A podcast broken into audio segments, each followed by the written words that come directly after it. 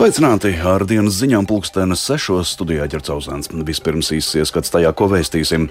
Jelgavā pie veikala piekauja bezpajumtnieku, taču garām gājēji ir vienaldzīgi. Turcija varētu apstiprināt Somijas pievienošanos NATO pirms Zviedrijas uzņemšanas. Par aizvadītā gada vārdu izraudzīts okupeklis, par nevārdu sankcionēt. Par šiem tematiem ziņu turpinājumā plašāk.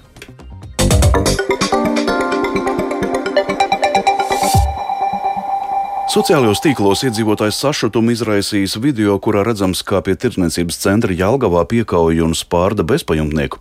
Policija sākusi kriminālu procesu un vainīgi aizturēti.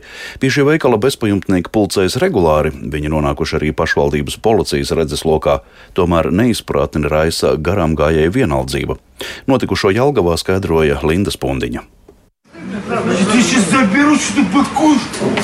Un viņi viņus ubjūt. Viņu tūlīt nositīs. Mīļākais benčīts viņam tur bija, bet tagad vairs pat benčīts nav. Bet viņi savā starpā bieži kaujās. Nē, Katru reizi, kad mēs šeit esam, šeit kāds ir. Un Dažreiz jautā naudu sēž īsti neuzbāžās, bet policija mēs šeit nekad neesam manījuši. Agresīvi vismaz pret mums nē, varbūt viens pret otru. Alkohola rebumā gan. Vai varbūt veikala apsardz kaut ko dara? Kamēr viņi nav iekšā veiklā, tikmēr nē, un veiklā arī viņi nenāk. Jēlgavnieki bezpajumtniekus bieži mana pie pilsētas centrā esošā veikala. Meitenes pat atpazīst sociālajos tīklos izplatītajā video redzamo uzbrucēju. Arī Jēlgavas pilsētas pašvaldības policistiem vīrieši ir bieži klienti, saka policijas pārstāve Līva Elizabete Lāce. Jāgaujas pašvaldības policijas operatīvās vadības nodaļā tika saņemta informācija no Vivo centra apsarga par pie ieejas notiekošo bezpajumtnieku konfliktu. Un uh, patruļpolicija nekavējoties arī devās uz notikumu vietu, kur tika konstatēta cietusī persona, kurai uh, medicīnisko palīdzību tobrīd uh, jau sniedza neatliekamās medicīniskās palīdzības dienests.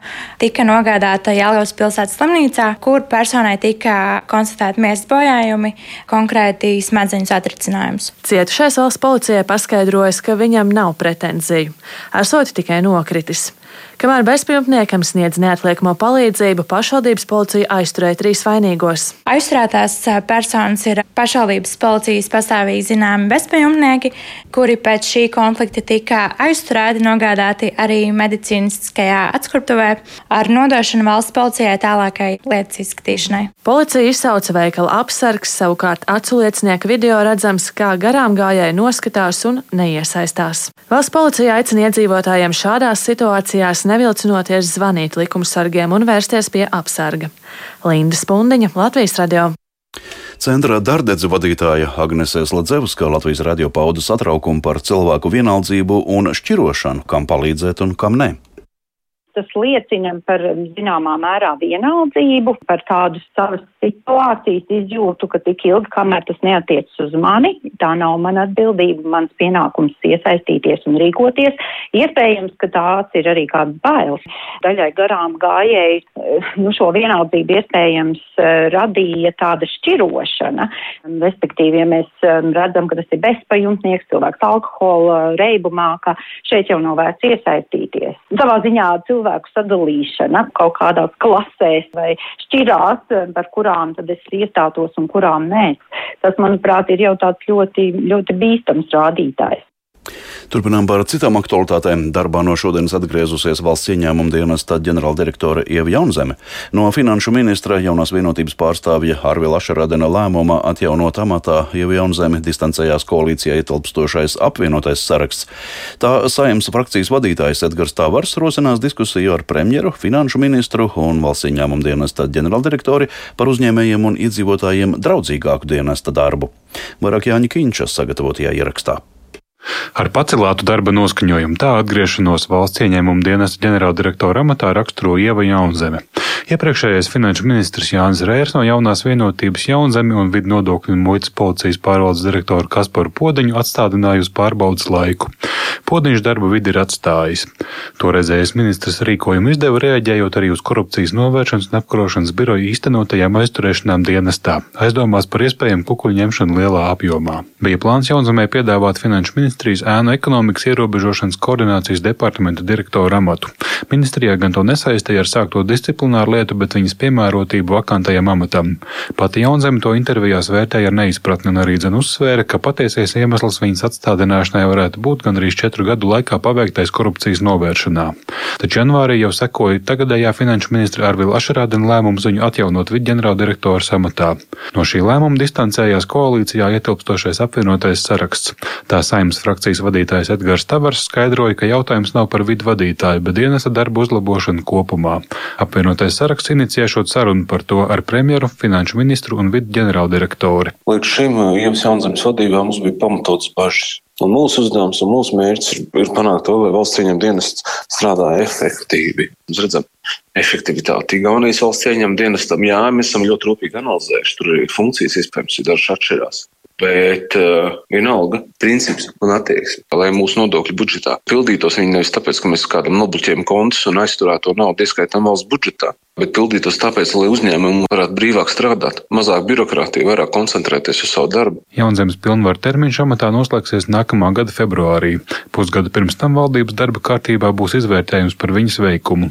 Ministriem tad būs jānolēma, vai pagarināt Jaunzemes pilnvaras uz vēl vienu termiņu vai izsludināt jaunu konkursu uz vidu ģenerāldirektora amatu. Jānis Kincis, Latvijas radio. Latvijas iekšzemes koprodukts pagājušā gada laikā palielinājās par 1,8% salīdzinot ar 2021. gadu. Tā liecina Centrālās statistikas pārvaldes ātrais novērtējums. Atsevišķi pa ceturkšņiem pagājušā gada 4. ceturksnī Latvijas ekonomika augus par 0,1%. Arī 3. ceturksnī gada pieaugums bija niecīgs par 0,3%. Bankas Luminor galvenais ekonomists Pēters Strautiņš Latvijas radio skaidroja, ka pēdējos mēnešos situācija stabilizējusies.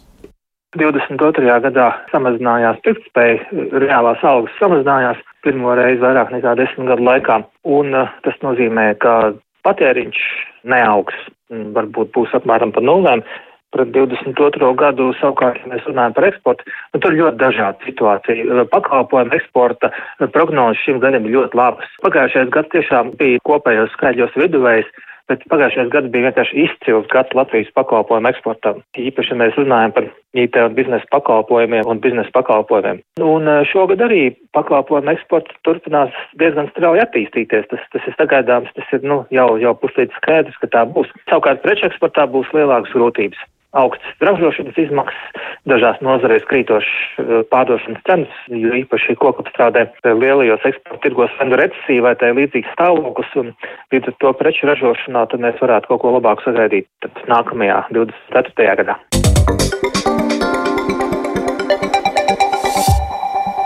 Slovenijā ir arestēti divi cilvēki, kurus tur aizdomās par spiegošanu Krievijas labā. Aizturēšana notika decembra sākumā, tomēr publiski par to kļuva zināms tikai tagad. Slovenijas mediji norāda, ka abi vīrieši ir izmantojuši antikvariāta biznesu kā aizsegu savām patiesajām darbībām. Stāst Arķoms Konohaus. Oficiālie komentāri no Slovenijas tiesību sargājošajām iestādēm par divu iespējamo spiegu aizturēšanu šobrīd ir skopas. Ljubljanas prokuratūra apstiprina tikai to, ka divi decembrī aizturētie vīrieši tiek turēti aizdomās par spiegošanu un par viņu darbībām turpinās izmeklēšana. Mēdījos izskan informācija, ka šie divi vīrieši varētu būt saistīti ar Krievijas galveno izlūkošanas pārvaldi un ka viņi esot izmantojuši viltus identitāti. Atgādināsim, ka aprīlī Slovenija izraidīja no Ljubljanas 33 Krievijas vēstniecības darbiniekus. Turcija varētu apstiprināt Somijas pieteikumu dalībai NATO agrāk nekā Zviedrijas pieteikumu, tā paziņoja Turcijas ārlietu ministrs Mevlits Čaušolu. Atbildot uz to, Somijas prezidents Sauli Nīnista vēlreiz uzsvērs, ka Somija vēlas iestāties NATO vienlaikus ar Zviedriju. Varakstās Tuldis Česbers. Turcijas ārlietu ministrs Mevlīts Čavušoglu šodien lika saprast, ka Ankarai nebūtu problēma apstiprināt Somijas pieteikumu uzņemšanai NATO, taču Zviedrijas pieteikumu Turki pagaidām nav gatavi apstiprināt. İki ülkenin üyeliği, üyelik süreci başladığı zaman Mums jau no paša sākuma bija salīdzinoši mazāk problēmu ar Somiju. Gan Somija un Zviedrija, gan NATO sabiedrotie vēlējās, lai šo valstu iestāšanās process noritētu vienlaikus. Tāpēc mēs pērn NATO samitā Madridē parakstījām trīspusēju memorandu ar šīm divām valstīm. Kopš tā laika no Somijas ir saņemti pozitīvi paziņojumi. Turcija nav pret NATO paplašināšanos. Tomēr ar mūsu bažu izpratni nepietiek. Tās ir arī jāapmierina. Manuprāt, būtu godīgi noteikt atšķirības starp problemātisko valsti un mazāk problemātisko valsti. Turcija var atsevišķi izvērtēt Somijas un Zviedrijas pieteikums dalībai NATO, ja NATO un šīs valstis tam piekritīs. Vakar arī Turcijas prezidents Reģeps Taips Erdogans izteicās, ka Ankara varētu dot zaļo gaismu Somijas dalībai NATO, bet ne Zviedrijas uzņemšanai. Turcija apsūdz Zviedriju par patvēruma sniegšanu organizācijām un personām, kuras Ankara uzskata par teroristiem. Turciju ir saniknojusi arī nesenā musulmaņu svēto rakstu Korāna dedzināšana pie Turcijas vēstniecības Stokholmā. Reaģējot uz Turcijas amatpersonu izteikumiem, Somijas prezidents Sauli Nīniste un ārlietu ministrs Pekka Hāvisto ir sazinājušies ar Ankara. Ankaru. Nīniste laikrakstam Helsingin Sanomat sacīja, ka Turcijas nostāja nemainīs Somijas vēlmi iestāties NATO kopā ar Zviedriju. Savukārt sociālajā tīklā Twitter Nīniste šorīt paziņoja, ka viņš ar NATO ģenerālsekretāru Jensu Stoltenbergu telefoniski ir apspriedis situāciju saistībā ar Somijas pieteikumu dalībai aliansē. Abu valstu virzību dalībai NATO ceturtdien Stokholmā apspriedīs Zviedrijas premjerministrs Ulfs Kristersons un Somijas premjere Sanna Marina. Uldis Česberis, Latvijas radio. Pakistānā Pešavarā sprādzienā pārpildītā mošajā šodien nogalināti vismaz 27 un ievainoti 147 cilvēki, tā paziņoja vietējā policija. Eksploziju visticamāk izraisījis spridzinātais pašnāvnieks, bet izmeklēšana vēl turpinās. Sprādziens notika pēcpusdienas lūkšanu laikā. Lielākā daļa nogalināto un ievainoto ir policisti. Neviens grupējums vēl nav uzņēmies atbildību par šo uzbrukumu.